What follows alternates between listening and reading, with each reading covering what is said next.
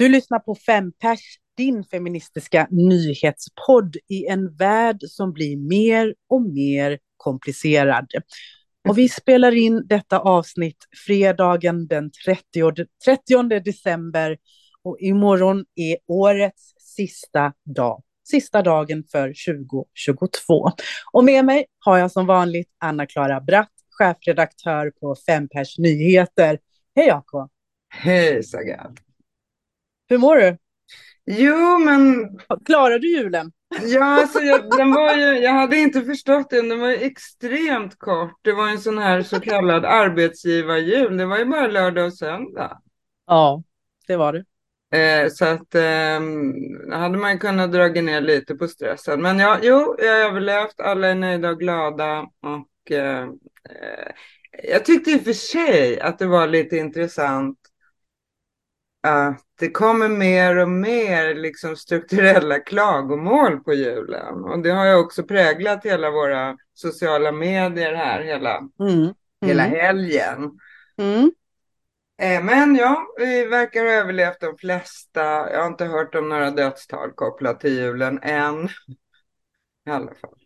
Nej. Och vet du vad, jag läste, var det igår, jag läste att eh, flera företag hoppar, hoppar över det där med julklappar till eh, kollegor och eh, liksom, eh, ja, de som arbetar för dem för att eh, det är bara ett sånt enormt slöseri. Ja. Ehm, jag är ganska glad att, att julen är över. Att vi några presenter. Jo, men vi fick faktiskt presenter. Vi fick ju eh, vi fick ett litet tillskott veganskt till det så kallade julbordet. Jag vet inte om mm. du har kunnat hämta ut det i Köpenhamn? No.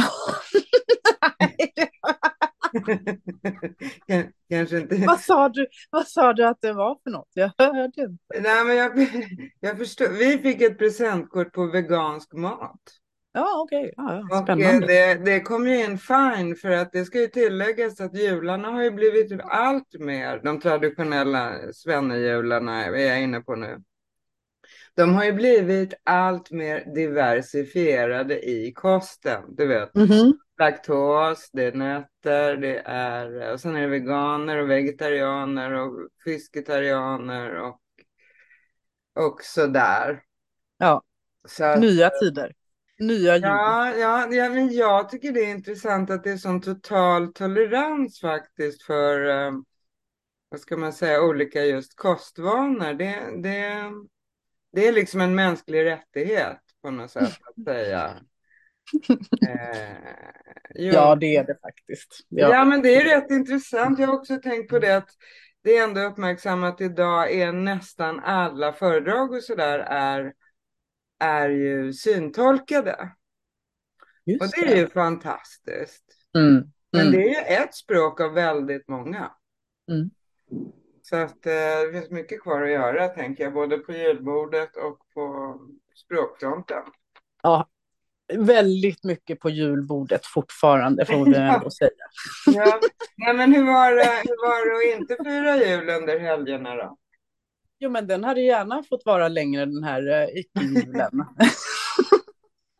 ja, men nästa år är det tydligen. Den var förfärligt kort. Den var förfärligt kort. Ja, det var ju bara en helg. Lördag, söndag ja, det gjorde också att vi för det mesta var bara hemma i vårt hem i Köpenhamn. Och detsamma gäller nog de flesta människor som inte har varit ute på sommarhus eller liknande. Nej, att, men det, jag ehm, måste bara säga det är en tredje grej jag verkligen har funderat på. Alla håller ju på nu uppmanas till sist faktiskt att spara el. Mm. Och jag tycker det är så intressant för det att man ska dra ner på tvätten och, och dammsugningen och så. Här. Det gör man ju, det är ju dyrt med elen. Mm. Men så stod jag och tittade ut och de har smäckat upp tio nya sådana här laddplatser för elbilar. Och ja, det är bra. Men jag har inte hört ett ord om att man ska dra ner på, spara på el på vägarna. Nej, precis. Ja, men det, det passar så hand i handske. Ja, här i Danmark ska de eh, släcka ner hela Danmark en dag, alltså som en symbol och så ska de ha en hel gala kring det. Man bara, va? alltså, men, ja, ja, men, ja, men man tänker också så här, fan hur går det med alla frysboxar då? ja. men du, vet Ja. du vad? Nu när vi ändå är inne i en jäkla spiral här så tycker Ja. jag vi kör på veckans nyhetspopcorn.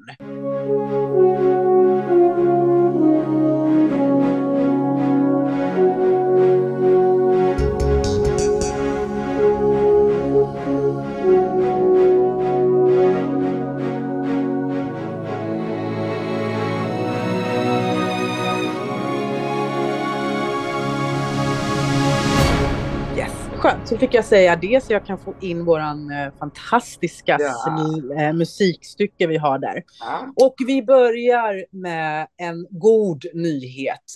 Andrew Tate. De har ju då letat efter honom och hans bror. Han är arresterad misstänkt för våldtäkt och människohandel. Eh, Inga roliga grejer, absolut Nej, inte han är ju en ökänd influencer, eller vad man nu ska kalla honom, oerhört kontroversiell kvinnohatare. Eh, arresterad i Rumänien eh, och eh, eh ja, eh, Ja, Det är en stor snackis här det här alltså att han, han röjde sig själv va? Ja, precis. Det är det som är... Jag bara sitter här och tänker om våra lyssnare vet vad han har gjort då, alltså vem, vem han är, hur mycket man måste berätta. Men ja, det finns en jätte... Det finns, du, gå, du, gå in på fempers.se så eh, hittar du en längre artikel om Andrew Tate och, eh, em, som jag har skrivit och som eh, är faktiskt baserad på en undersökning som The Guardian gjorde och som öppnade mina ögon för mycket av det som händer på nätet. Men Jag kan han blev meddela att det är vår näst mest lästa artikel just nu. Hur kvinnofientlig Andrew Tate blev globalt känd är rubriken.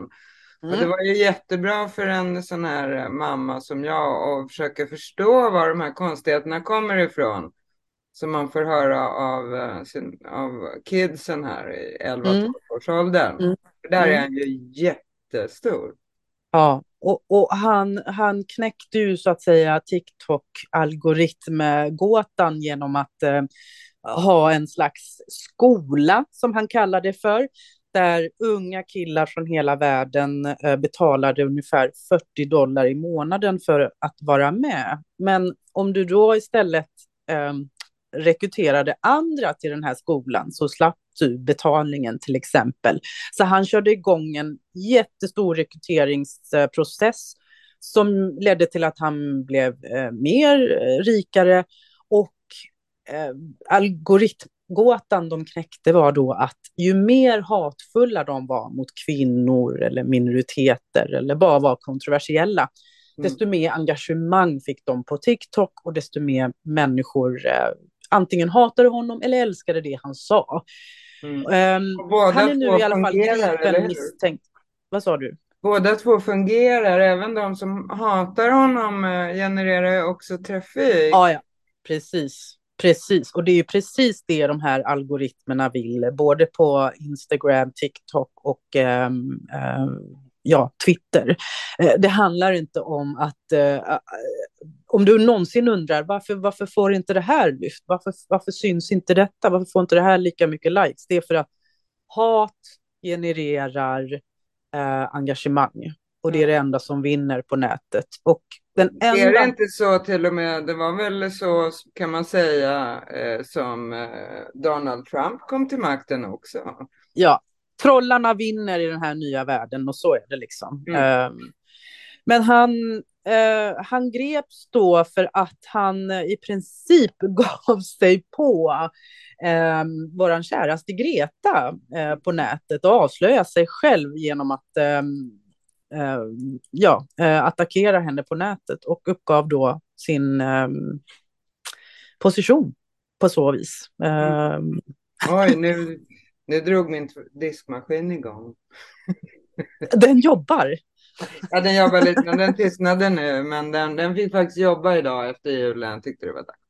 Mm, Ja, mm, nej, men, mm, eh, mm, mm. Eh, För det var ju också så att han, han gav sig på Greta och då svarade hon på ett sätt, det har väckt ganska mycket diskussion.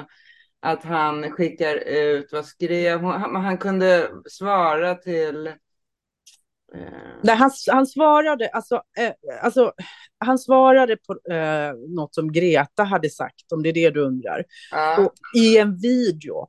Och när han i den här videon har han en pizzakartong där det står eh, vilken adress den här pizzan är ifrån på kartongen. Så medan han sitter där i en jättedyr morgonrock med en, med en pizzakartong framför sig och en stor cigarr och snackar skit om eh, Greta Thunberg på, ehm, eh, på Twitter. Eh, ja, eller eh, i den här videon så avslöjar han sig själv och så blir han tagen på det. Liksom. hittar Eh, hennes, hennes tweet är så här. Yes, please do enlighten me. Email at smalldickenergy.getalife.com. Och det här har blivit en jättestor snackis om det är ganska många som tycker att Greta hemfaller åt sexism och, och, och sådär. Vem En tycker del- det? En, ytterligare någon Vem tycker det? Ja, det är flera stycken både hit och dit. En- Är det, är det så här vi liksom pratar med varann? Men sen är det någon som har föreslagit ännu roligare då att kan det inte vara get, vad fan, Ida Gabrielsson som råkade säga jävla fittor i ett tv-program här nyligen från Ah. Är, Ja. är det hon som har skrivit eh, svaret? Men eh, jag, ty- jag tycker faktiskt att eh, man får ge Greta Thunberg här att hon gav svar på tal. Eh, Men eh, det är en fantastisk utveckling sen att han röjer sig själv med en pizzakartong. Jag ska bara tala om för er att eh, det här är ju då inte första gången eh, Greta blir... Eh, alltså hon lyckas trolla de här eh, väldigt... Eh, männen med de extremt stora egon. Mm. Hon har också, det har också hänt med Donald Trump, Mm. eh, Mm. där han bland annat skrev om Greta. So ridiculous! Greta must work on her anger ma- management problems. then go to then go to a good old fashioned movie with a friend. Chill, Greta, chill! Och det var då svar på när eh, Greta blev utnämnd till Person of the Year 2019. Ja, då blir han lite sur. Han var ju ändå president. Ja, det där skulle man ju också vilja prata om ett helt eh, avsnitt. Men eh, ja, Ja, vi har nog skäl att återkomma till det. Ja, som sagt. De, eh, vi återkommer till, till sex, sexistiska män på den här podden. Men- det kan, men ni, fan, det kan ni fan räkna med. Ja, nej men det är bra för, för oss som har lite svårt att hänga med i Andrew Tate-svängarna. Så rekommenderar jag ju din artikel hur han, hur han kunde bli så stor och hur, hur eh, man nu fakturerat allting är. Det är inte så Mm. att han har eh, förtjänat sina följare på någon liksom respektabelt vis. Nej. Nej. Men vi kör vidare. Jag vill gärna prata lite vidare om eh, våran eh, kära redaktionschef eh, Kristin Sandberg som är den som håller i allt på vår nyhetssajt och som vet precis vilka artiklar som går ut eller in. Ehm, hon är också den som eh, skriver mest. eh, och en artikel hon skrev, AK, ehm, den tycker jag summerar, den är från för, för, förra veckan. Mm. Och den tycker jag summerar eh, 2022 så himla mycket för att vi har ju också eh, ja, gått igenom ett eh, val eh, som visar sig vara historiskt på många sätt och som har öppnat ögonen för resten av världen av hur Sverige faktiskt ser ut idag. Mm. Um, men den artikeln har rubriken Kvinnor i politiken värst utsatta för hat och hot. Mm. Ingen nyhet på Fempers nyhetsredaktion, men jag vill ändå gå igenom här eh, tillsammans med våra lyssnare. Um, det här är då efter en SNS-rapport som Kristin um, skrev om och um, den rapporten heter Betala kvinnor ett högre pris för makten. Mm. Och nästan var tredje svensk politiker um, utsätts årligen för hot, trakasserier och skrämseltaktik. Det är ju inget nytt i politiken, men problemet är då all, allra störst bland folkvalda på framträdande poster och värst i den gruppen är kvinnor.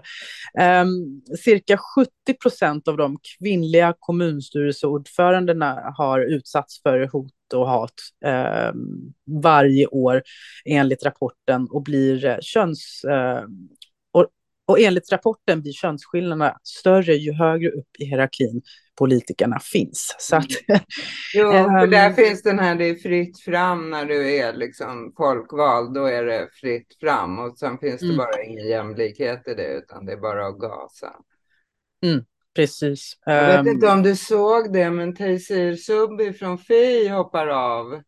Mm. Eh, meddelade hon i veckan och då skrev faktiskt Black Lives Matter Stockholm skrev väldigt fint om, vi har ju haft kan man säga två eller tre svarta partiledare någonsin i Sverige. En av dem är Nyamko och, eh, och hon avgick ju väldigt snabbt under mandatperioden. En annan är Victoria Cavesa, det är en historia för sig, men hon kämpade ju också i offentligheten. Nu har inte Taysir sagt något om det, utan hon har faktiskt precis fått en liten baby och har ju jobbat med helt oavlönad och jobbat heltid, men som partiledare för Fi. Men man kan ju tänka sig då om 70 eh, procent av de kvinnliga kommunstyrelseordförandena har utsatts för hot i mm. Sverige. Då kan man nog mm. ändå mm. tänka att de allra flesta, säkert nästan alla, är vita personer. Mm. Och Eh, det verkar ju drabba ganska brett över partigränserna också. Nu har vi några partier som i huvudsak är manliga part partiledare och representanter. Men, eh, mm. Mm. Och eh, i artikeln så finns det citat från Sandra Håkansson, eh, doktorand i statsvetenskap i Uppsala universitet om den här rapporten. Och hon menar bland annat att mycket tyder att eh, det hot och hat kvinnor upplever eh, har ju väldigt mycket med sexistiska tendenser att göra och blir ju då obehagliga mer på det viset. Eh, hon menar också, Håkansson, eh, Sandra Håkansson, forskaren här, att det krävs mer omfattande arbete än vad vi kanske kan tänka oss för att motverka hat, mot, hat och hot mot politiska företrädare. Och hon föreslår ett, flera åtgärder som omfattar allt från säkerhetsarbete till stöd åt politikerna att hantera sociala medier där hat och hot sprids snabbt och i stor omfattning. Så att, ehm, ja, Ja, jag har ett tips som eh, vi har ju i historien höll jag på att säga, men vi gav ju, var ju med och gav ut en bok om det här. Vi höll ju på med mycket om hat och hot i medier för några år sedan, feministiskt perspektiv. Och en av de första grejerna som vi alltid brukar påminna om, det är just att, att se till att man inte är ensam om man drabbas av ett drev eller så. Är du aktivist är du ofta del av ett kollektiv. Eh, men som eh, partiledare och politiker så är du ofta en profil och i det avseendet kanske du står ensam med dina åsikter till exempel.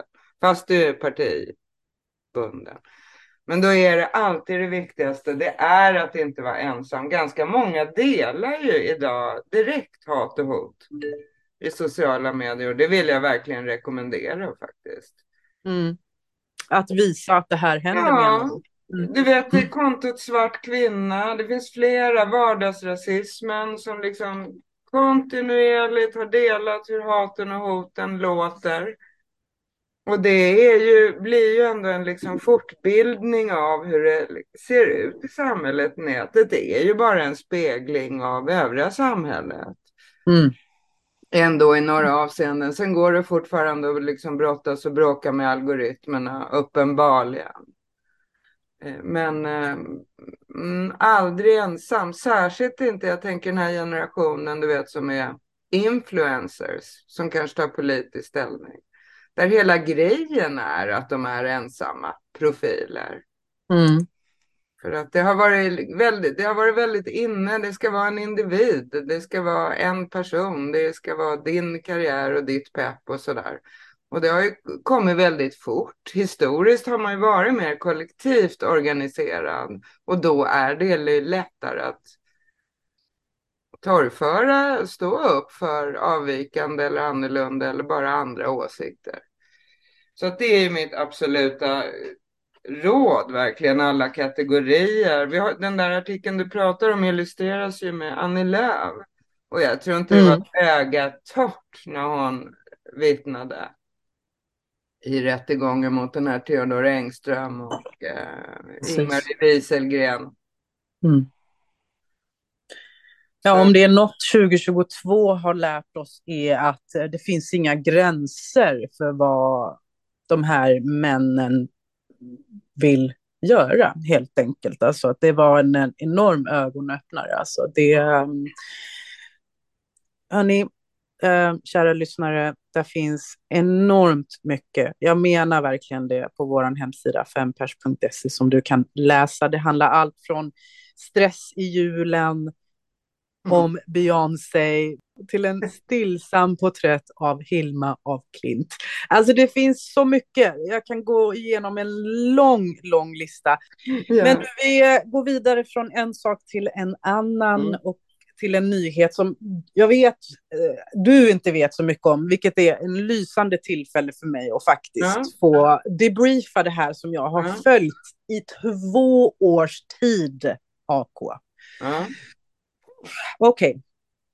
Det ska handla om rapparna Megan Thee Stallion och Tory Lanez.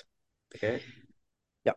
Året är 2020 och alla runt om i världen, inte alla, men väldigt många är under lockdown. Också mm. Megan Thee Stallion som skulle visa sig vara en lysande musikstjärna. Ung tjej som hade precis förlorat sin mamma hade en, kommer från Houston, alltså hon hade en otrolig historia med sig. Va? Otroligt mm. duktig. Hon är vän med en annan rapper eller rappare som heter Tory Lanez, en man. Han, är, han var då 28 år gammal eh, 2020. Och den här incidenten händer mitt i natten efter att de här två hade varit på en fest med några andra vänner. Mm. Hemma hos en viss Kardashian. Jag behöver inte ens säga vem det är, men det, det, det handlar inte om dem. Um, och det slutar, natten slutar med att Megan Thee Stallion blir skjuten i foten. Okej. Okay. Okay. Och, det, och, det, och det visar sig att det var en viss triangeldrama kärleksdrama involverat. Vad det handlar om att det är en man som då har haft en grej med både Megan Thee Stallion och hennes bästa vän. Och i det här så eh, kommer ett stort bråk. Det här är bakgrundshistorien. Det som har hänt här då är att Megan Thee Stallion blir skjuten. Hon anmäler inte Tory Lanez till polisen, utan polisen tar ärendet för att någon har uppenbarligen blivit skjuten här och har fått mm. uh, genomgå en kirurgisk uh, operation. Så att Tory Lanez åker in i fängelse, får uh, satt en bond mot sig, kommer ut och de här senaste två åren har varit en lång historia av vems narrativ kommer vinna på sociala medier och mm. på nyheter och bloggar. Där som vanligt fokus har legat på vem Megan Thee Stallion är. Är, är hon en tjej som bara ligger runt med män? Är hon blev skjuten en... i foten. Hon som blev skjuten i foten. ja, det... Jag förstår, man måste ha en särskild historia om man råkar bli skjuten i foten. Hon, hade kanske, hon kanske hade bara fötter. Nej, men just det, det var mer så här, typ, om hon inte hade legat med honom, om hon inte var full, om hon inte var en diva, om hon inte mm. var arg. Alltså man drog upp allting i den här unga tjejens liv genom, eh, genom pressen, bloggar, YouTube-personer. Jag har följt det här i två år. Mm. Jag tycker det är så intressant. Jag har följt kommentarer. Men nu så för sex dagar sedan eh, den senaste månaden då var rättegången. Och det, det, har, det är så mycket drama, jag kan inte ens börja dra det för dig, AK. Men det slutade med att rapparen Tory Lanez blev, eh, fan, eh, fanns skyldig för att eh, ha skjutit Megan Thee Stallion och eh, kan då eh, få så mycket som 20 år i fängelse. Under när domen kom så sitter jag på en applikation som de flesta svenskar har glömt, som heter Clubhouse. Och mm. jag gör det för att jag har seriöst följt det här. Eh, och jag ville höra vad vanliga amerikanare, eh, svarta amerikanare hade att säga om det här. Mm. Det var den mest intressanta diskussionen jag har hört. Men det var... Det, det, vem ledde den? Var det för eller emot vem? Den som ledde den faktiskt var en ung, eh, ung eh, eh, person som heter Demani.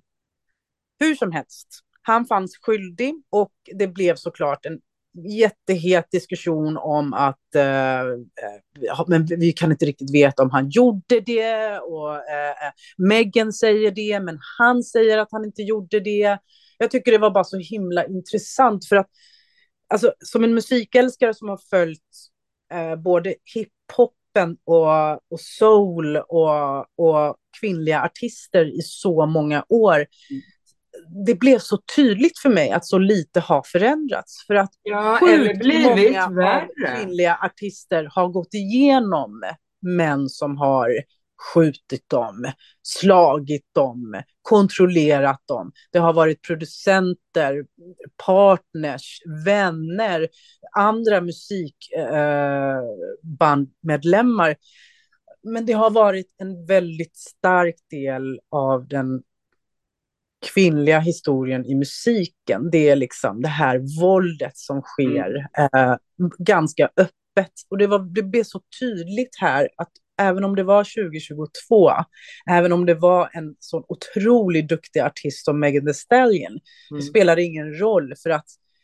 eh, i, i allmän, för den vanliga amerikanaren så var det fortfarande så att man, eh, man man, man ville veta varför hon satte sig själv i den positionen istället för att granska varför, varför en man i, i hiphopvärlden eh, tycker att det, en kvinnas liv är så lite värt, även om hon är en av de bästa i sin generation, att eh, det är bara att skjuta henne. Och enligt Megan så säger han till henne när han skjuter henne, dance bitch, dance. Och det tycker jag bara säger så mycket om tillståndet i musikbranschen. Så om du har en favorit eh, kvinnlig eh, musik eh, eller non-binary person som du följer, kom ihåg det. De får utstå en massa skit mm. bakom kulisserna. Mm. Du har på det jag undrar är... här så vill jag verkligen... Ja, du, jag, du får gärna eh, kommentera, förlåt. Jag vill bara också påminna våra lyssnare att AK ska ta oss igenom lite vad vi har eh, att se fram emot nästa år och, eh, att vi, och, och, också för att vi lämnar 2022. Så att, eh, håll kvar, eh, håll kvar eh, intresset för det också. Vad sa du AK? Nej, men jag, bara, alltså jag undrar om det ändå är någon slags återgång eller alltså, att det är så grovt polariserat eh, mellan könen just nu i liksom så många sammanhang. Att jag undrar om man kan säga att ah, det är 2022, men jag undrar nästan om det i något avseende inte är på väg tillbaka. Att det liksom vi backar. Det är det mm. jag, om det inte är dags att liksom deklarera backlash. Eh, det är det jag går och funderar på. Mm, mm. Är det nytt och, och jag... eller är det gammalt? Alltså att det är gammalt, det vet vi, men, men är det värre? Det är det man undrar. Mm. Vi värre? har ju ett helt avsnitt på podden om det perfekta offret mm. efter Johnny Depp och Amber Heards rättegång. Eh, där vi pratade med en advokat och där det blev väldigt tydligt att ja, hela du och ditt liv och vem du är blir satt i, rätt, i liksom i rättegång eh, eh, när det handlar om eh, våld mot kvinnor och att det är liksom så mycket av bevisbördan som ligger på kvinnan eh, och så lite på samhället om jag ska vara helt ärlig. Ja. Eh, en man som Tory Lanez, som också var rätt stor i musikvärlden, han har vetat att han eh, kan komma undan med ganska mycket skit. Eh, men den här gången var det statens, eller Kalifornien, mm. som gick in och, eh, och ja. vad heter det, tog det hela vägen till rättegång. Det mm. var i, inte Megan Thee Stallion. Så att, det säger jättemycket. Och det är kanske inte en backlash. Um, AK. Det kanske bara är där vi har stått och trampat länge utan att veta det. Liksom.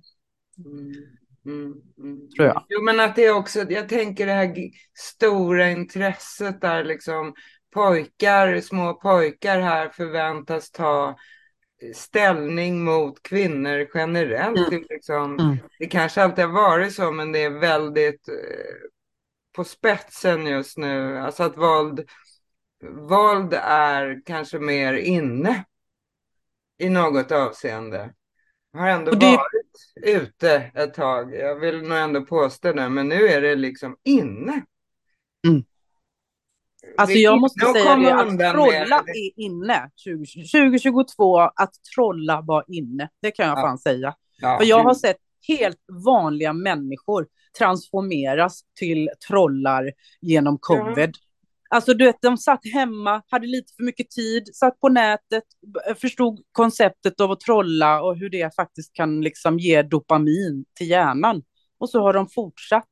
Jag tror att um, det är långt ifrån bara SD-are som sitter och trollar på nätet, om jag ska vara helt ärlig. Alltså, det är ja, ja, vi har en jätterolig tråd. Om man orkar ha humor så har vi en väldigt rolig tråd på Twitter just nu. Det är Lina Stenberg som har retat upp jag visste inte att det fanns så många, men hon, hon går igenom kvinnors merarbete, dels under julen, det är en rapport från TCO. Och det är ju att kvinnor sköter merparten av arbetet och det var väldigt många kvinnor som kände då stress inför julen. Men i rapporten slås det också fast att eh, det gäller hushållsarbetet året runt. Det är inte bara att planera och köpa och slå in och ge bort julklappar och fixa maten, utan det här är året runt. Men det har mm. tagit hus i helvete faktiskt. Och senaste kommentaren jag såg, det var att män jobbar hårdare och borde få gå i pension fyra år tidigare, tycker, tycker de här männen i den här tråden. Jag ska faktiskt spara ner den. Man vet ju inte vad som händer med Twitter. Men eh, Ja, men ett riktigt eh, mörker alltså. Och det är även ja. kvinnor som skriver så här. Jag tycker faktiskt om att laga mat och pyssla. de kallas för pick-me's på nätet. ja, ja, ja, men de finns där också, absolut. Alltså. Men vi har faktiskt orkat skratta åt det. Någon skriver så här, tala till mig som jag är fem år och då kände jag, men det räcker inte. Det här, det är liksom tre år. Jag visste inte hur jag skulle svara. Men jag har lagt ut massa siffror och statistik i tråden.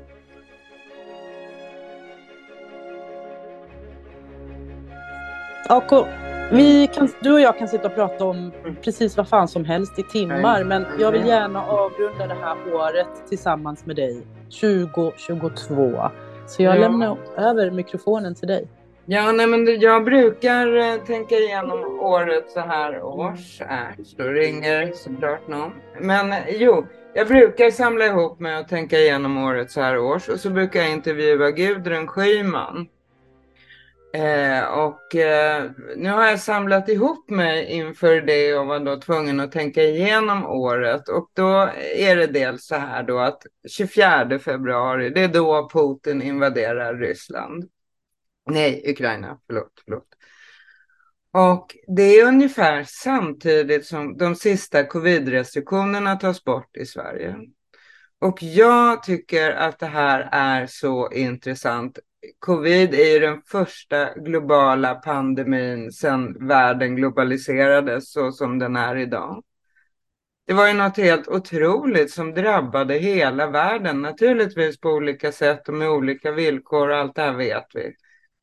Men att sen kliva ur det ena dagen och sen aldrig prata om det. Jag tycker det är väldigt konstigt.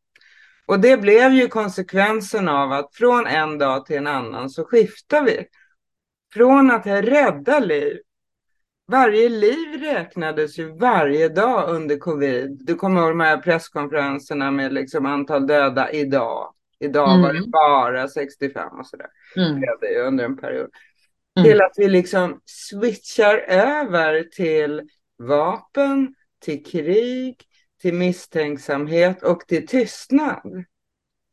Mm. Över nästan ett dygn. Och vi hade en intervju inte, som inte blev av förra året med eh, social, dåvarande socialministern Lena Hallengren. Det finns mm. ju hur mycket som helst mm. att prata om vad det gäller covid. Det finns positiva saker, så som att, som att vi kunde hitta på ett vaccin och hjälpas åt i hela världen. Det var ju helt unikt. Eh, man såg ett internationellt samarbete i bland annat Världshälsoorganisationen som, som också hade folkliga och tillgängliga eh, presskonferenser varje dag till att gå till den här tystnaden som gäller då krig.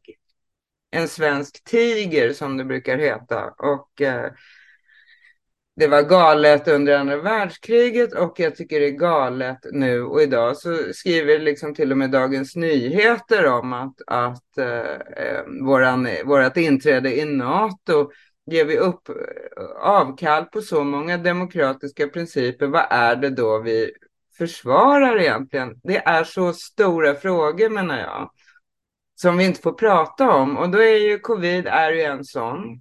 Eh, och det finns en tråkig känsla här tycker jag av att Alltså i början var liksom skjutjärnsjournalister och liksom mansmedia intresserade av de politiska tillkortakommanden och covid och sådär. Men i slutet så var det nästan bara kvinnor på presskonferenserna. Det var de som hade fördjupat sig i i folkhälsa, vaccin, eh, det som brukar kallas ämnesreportrar, alltså de som verkligen kunde de här frågorna. Det vill säga, det var nästan bara kvinnor kvar på slutet. Kvinnodominerade eh, eh, verksamheter, sociala och medic medicinala verksamheter så att säga.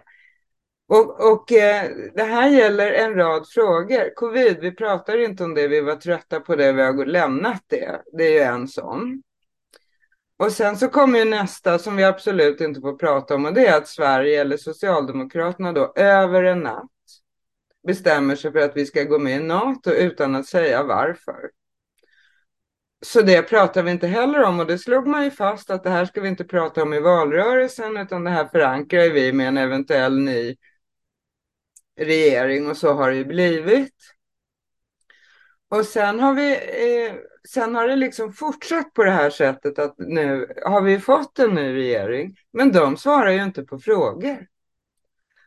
Eh, de är allmänt otillgängliga och i stort sett är det två ministrar vi har sett i Sverige uttala sig och det ena är ju den nu utskällda då Ebba Busch Thor och alla löften med energikompensationer och, och bensin som ska vara i princip gratis vid pump och så vidare. Och sen så är det nya klimatministern som har fått sticka ut hakan lite. Eller miljö, klimatministern. Eh, så att det får vi inte prata om. Vad innebär Tidöavtalet? Ja, det vet vi inte. Därför att det mesta av alla löften som fanns, det måste utredas.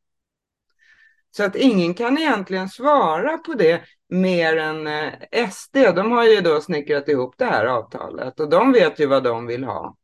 Men som många, inklusive jurister, juristsamfundet och så vidare, har påpekat så är det, vad ska man säga, det, det mesta måste utredas på grundlagsnivå om det ens är möjligt. Det här till exempel, man vill ta bort hemspråk, det är ju Jomshofs favorit.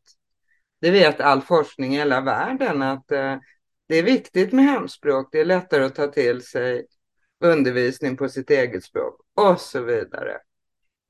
Så jag har en hel lista här om saker som vi liksom inte får svara på. Och även om det finns några journalister som ställer några frågor så är det i alla fall ingen som svarar på dem. Och det här tycker jag då är, är det som mest sammanfattar 2022.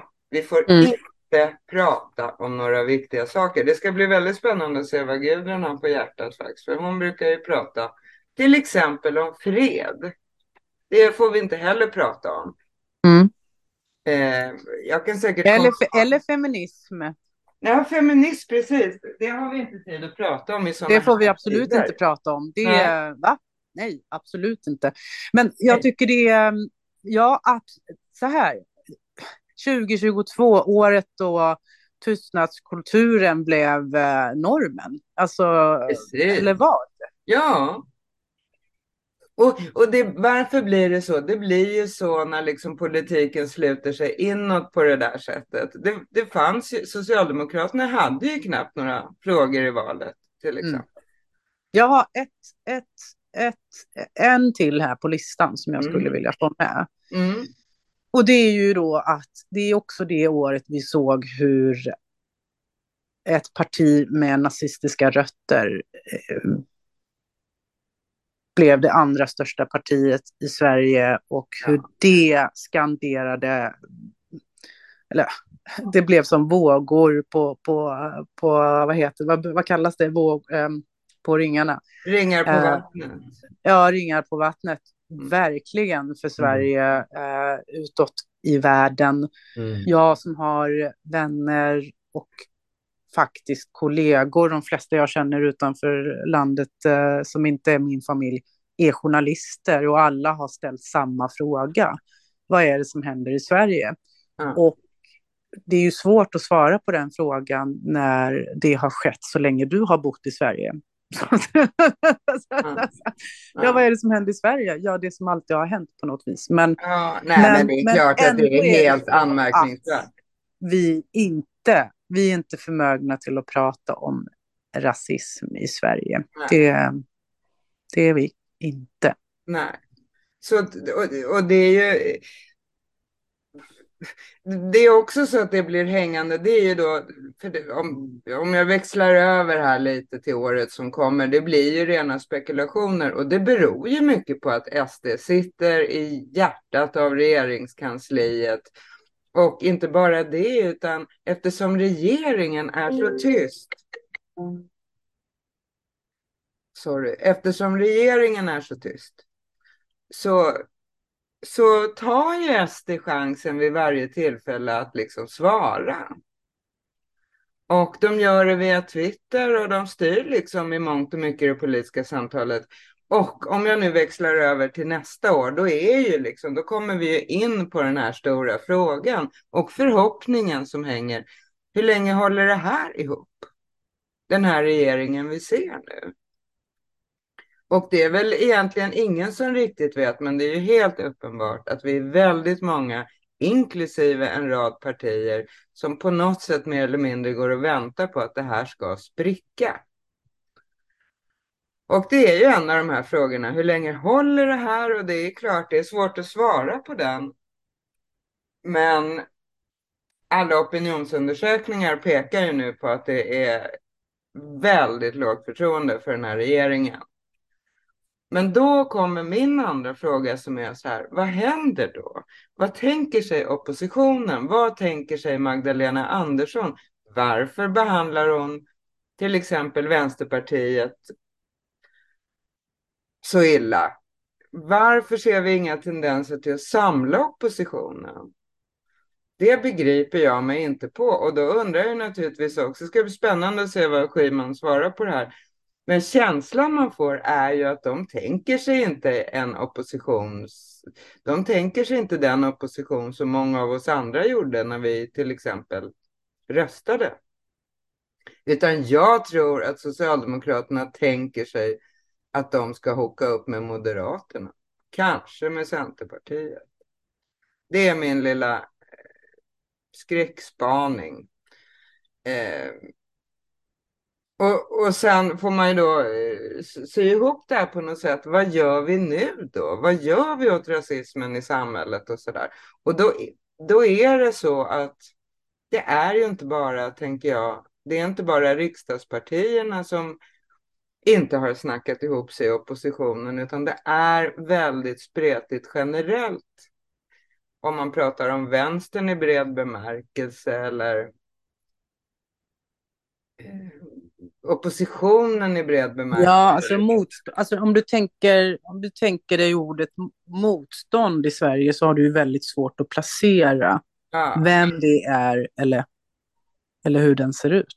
Ja, och det är ju det, det är en gammal käpphäst här, men, men eh, det måste ju till någon form av samarbete.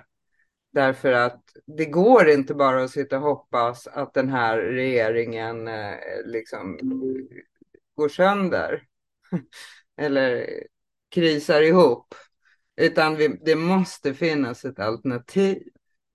Det, må, det, måste finnas en idé, det måste finnas en samorganisering. Vi har en rolig nyhet som vi blev väldigt glada för och det var faktiskt att IF Metall bestämde häromdagen att de är ett feministiskt fackförbund. Och det kan verka som sist i, i Sverige och det kanske det är, men det betyder också att eh, de medlemmar som, som inte är feminister, de gör sig inte, eh, de ska inte göra sig bekymret att gå med ens. Och just nu ser vi något liknande i Afghanistan där talibanerna har förbjudit kvinnor. Det visar sig att hela vården kommer att rasa samman Eh, för hjälparbetare och så vidare. Men, men, eh, men eh, det, det, finns små ljuspunkter i det här mörkret. Men, men tricket är ju att sy ihop de här ljuspunkterna. För det är inte så att det inte görs saker. Det görs jättemycket saker. Det är lokala demonstrationer, det är globala demonstrationer. Men de är liksom inte synkade. Jag kan inte se att de är särskilt synkade i något land. Hur ser det ut nere hos er? Det, det, är, det existerar inte i Danmark, det vet vi redan. Det, det, och om det gör det så är det väldigt anarkistiska kretsar, om man säger så. Eh, som är, där kritiken är mot hela samhällsstrukturen, liksom. och kanske inte ett parti, eh, så att säga. Men vad jag, vad jag har sett är att eh, vi, vi lever, som jag sa i början, i en allt mer komplicerad värld som då också kräver mer genomtänkta men också komplicerade svar. Och mm. det är där jag ser att det, de ledarna som vi har odlat genom decennierna här, alltså, det är där, det är där kompetensen faller. För att um, det, det, det är uppifrån och ner på något vis strukturen kring ja, allt vad fascism heter i, um, i Europa idag till exempel. Det är otroligt organiserad. Um, mm, mm, mm. Det är väldigt organiserat till exempel i migrationsfrågor och uh, uh, det, det är uppifrån och ner. Uh, mm. både i politiken och i många olika områden. Alltså, det är där jag tycker att vi har missat. Vi har missat mycket de senaste 10, 15, kanske 20 åren. Mm. Eh, och vi har kanske tänkt att allt då är bara ett parti eller vad det nu kan vara och missat poängen här att det är ju inte det. Alltså det är, jag, jag tänker ändå, det måste vara ändå 20 år sedan, för min dotter är 20 år och hon låg i vagnen då, men då gick vi man ur huset i Stockholm och Göteborg och flera pling pling, flera, flera städer i Sverige och protesterade mot, eh, mot kriget som var då. Mm. Och eh, alltså, det, till exempel på något sätt så kan jag känna så här, ja, globala protester mot krigen, det, det vore på sin plats, det borde man kunna liksom samla sig kring. Och tidigare var ju då även partierna och fackföreningarna liksom inblandade i det här. Vi efterlyste ju precis Ja, vi kom i en papperstidning före jul och då skrev vi just det här behov. Va, vad är våra ledares, liksom ledare, men vad, vad är partiledarnas uttalande om Iran? Och då kom det faktiskt eh, uttalanden från nästan alla partiledare veckan därpå i deras partiledartal, jultal hade de allihopa. Men på något sätt så, så, mm, så är det inte de här liksom samlade presskommunikéerna, det är inte tydlighet, det är inte eh, det är inte eh, utrikesministern man hör göra tydliga fördömanden utan det är partiledaren på ett jultal på svenska. Förstår du att man liksom gräver mm. ner mm. nyheten lite grann. Det som skulle kunna vara ett nationellt tydligt ställningstagande det blir ett lite trevligt krumelurigt tal. Men, mm. men eh, dels en sån, det hoppas jag då om jag går in på 2023, det är att liksom det som har varit fredsrörelsen som har ändå varit ett nätverk av både kvinnogrupper och, och miljögrupper och även fackföreningar stundtals och partier men att man liksom samlar sig och markerar mot krigen skulle jag mm. säga. Mm. Det, det rasar flera krig också som hamnar i skuggan hela tiden i Afrika, i Tigray och så vidare. Och det drabbar väldigt många liksom, människor just nu. Vi har ju fullt sjå med vårt närområde här. Icke desto mindre. Mm. Tänk vilken eh, markering det skulle kunna vara också till stöd för liksom, rysk fredsrörelse. Den finns ju där. De har ju, lever ju farligt. Men det är ju inte så att alla ryssar står bakom det här kriget till exempel. Mm.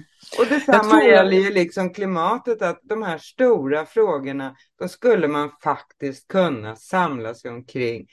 Bortsett från liksom vad falukorven kostar i Sverige, det måste jag verkligen säga. Och det är klart man blir orolig då om inte ens tre eller fyra oppositionspartier kan träffas och signalera en beredskap ifall den här tokiga regeringen nu faller. Mm. Men så så att eh, Gudrun Schyman skrev det i en krönika här före jul, men liksom nu får vi ta till de verktyg vi har. Folkbildning, manifestationer, läsa på, skriva och stå på oss. Och det handlar ju bland annat om att stå på sig, våga säga fred.